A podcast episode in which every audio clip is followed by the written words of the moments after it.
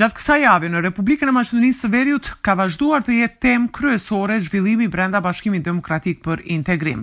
Pas daljes së grupit të zjarrit apo të pakënaqurve për herë të parë në formë publike në media të cilët flisnin kundër ekzekutivit dhe zëvendëskryeministrit të parë Artan Grubi, është mbajtur edhe mbledhja konstituive si dhe është grumbulluar Këshilli i Përgjithshëm.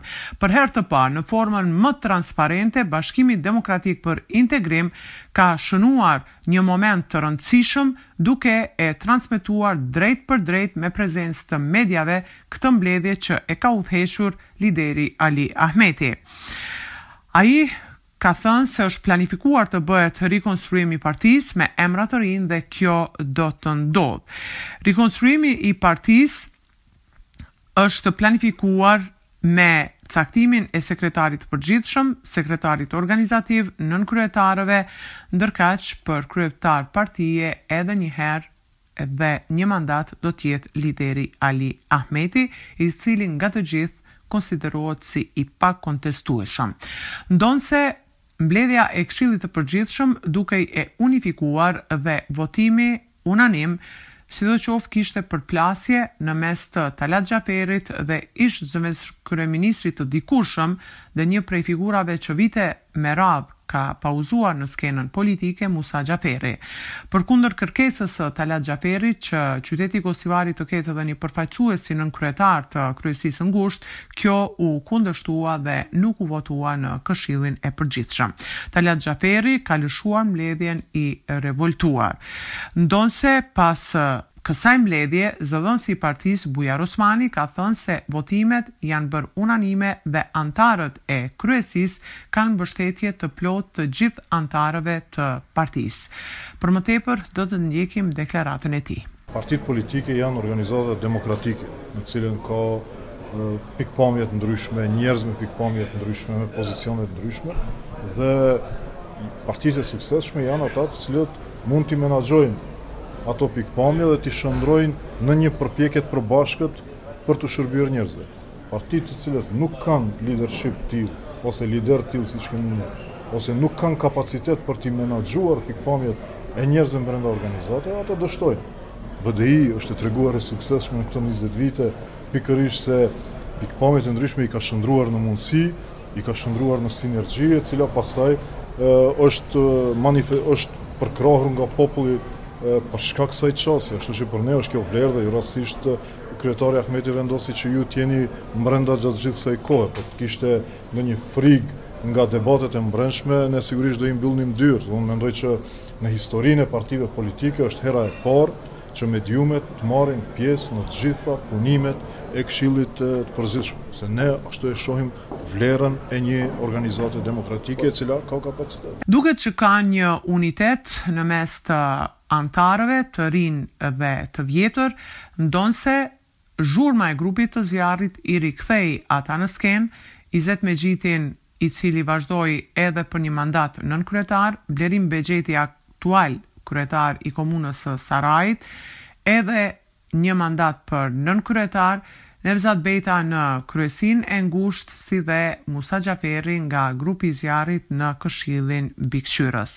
Këshilli i Përgjithshëm i Bashkimit Demokratik për Integrim ka miratuar vendim për shpalljen e zgjedhjeve dhe ka autorizuar Komisionin Partiak Zgjedhor që të organizojë zgjedhjet në degët e Forumit Rinor dhe në të gjitha këshillat vendorë dhe degët e Bashkimit Demokratik për Integrim dhe kjo do të ndodhë në vitin dy mijë e njëzet e tre. Ndërkohë në vjeshtë të vitit dy mijë e njëzet e tre pritet që të mbahet edhe kongresi i pestë i kësaj partie, njoftojnë shërbimet e Bashkimit Demokratik për Integrim. Kryesia e re do të mblidhet me njëzet e nëntë tetor, me ç'rast ministrat dhe zëvendëskryeministri do të japin llogari përpara saj për arritjet dhe ngecjet në punën e tyre. Në Këshillin Mbikëqyrës është rikthyer Musa Xhaferi, i cili, bashkë me Izet Mexhitin, Nevzat Bejtën e Blerim Bexhetin janë pjesë e kryesisë së ngushtë. Ndonëse u tha që debati do të zhvillohet brenda partisë dhe është shumë e rëndësishme të rikonstruohet partia dhe të zgjidhen organet e saj, gjatë kësaj jave kanë qenë të bujshme deklaratat dhe debatet e disa prej anëtarëve të grupit të zjarrit në media të ndryshme.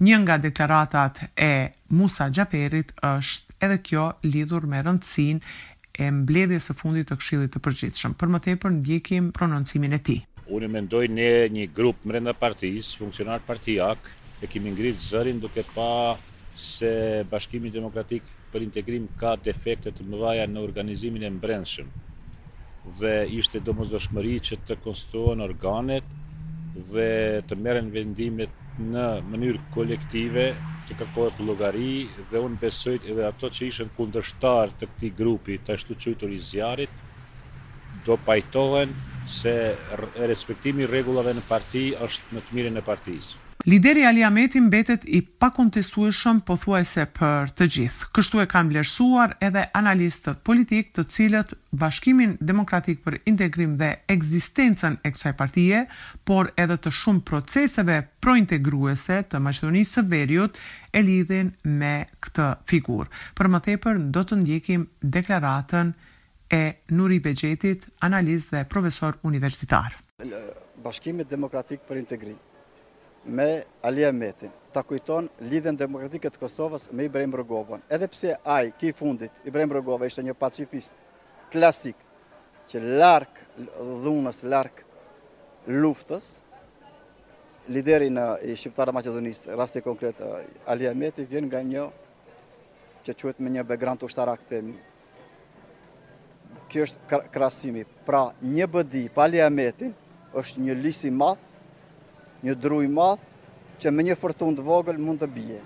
Pra, hë për hë e mban fuqia e emrit të tij dhe e kaluara e tij.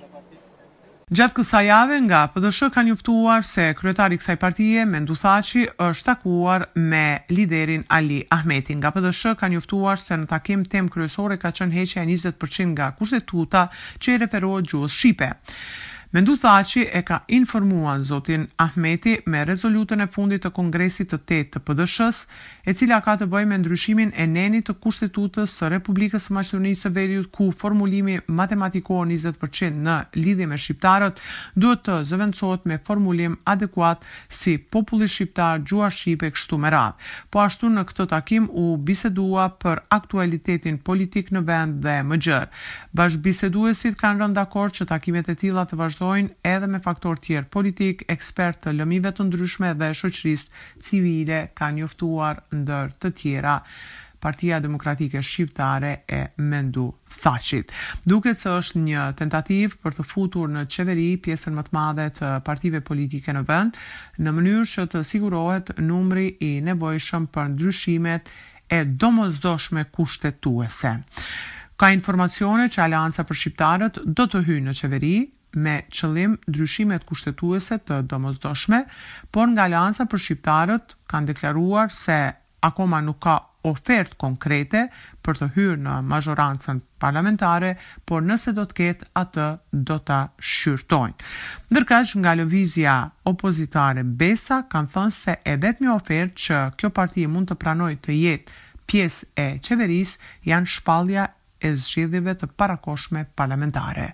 Për radion SBS raporton nga Republika e Maqedonisë së Veriut, Besjana Mehmedi.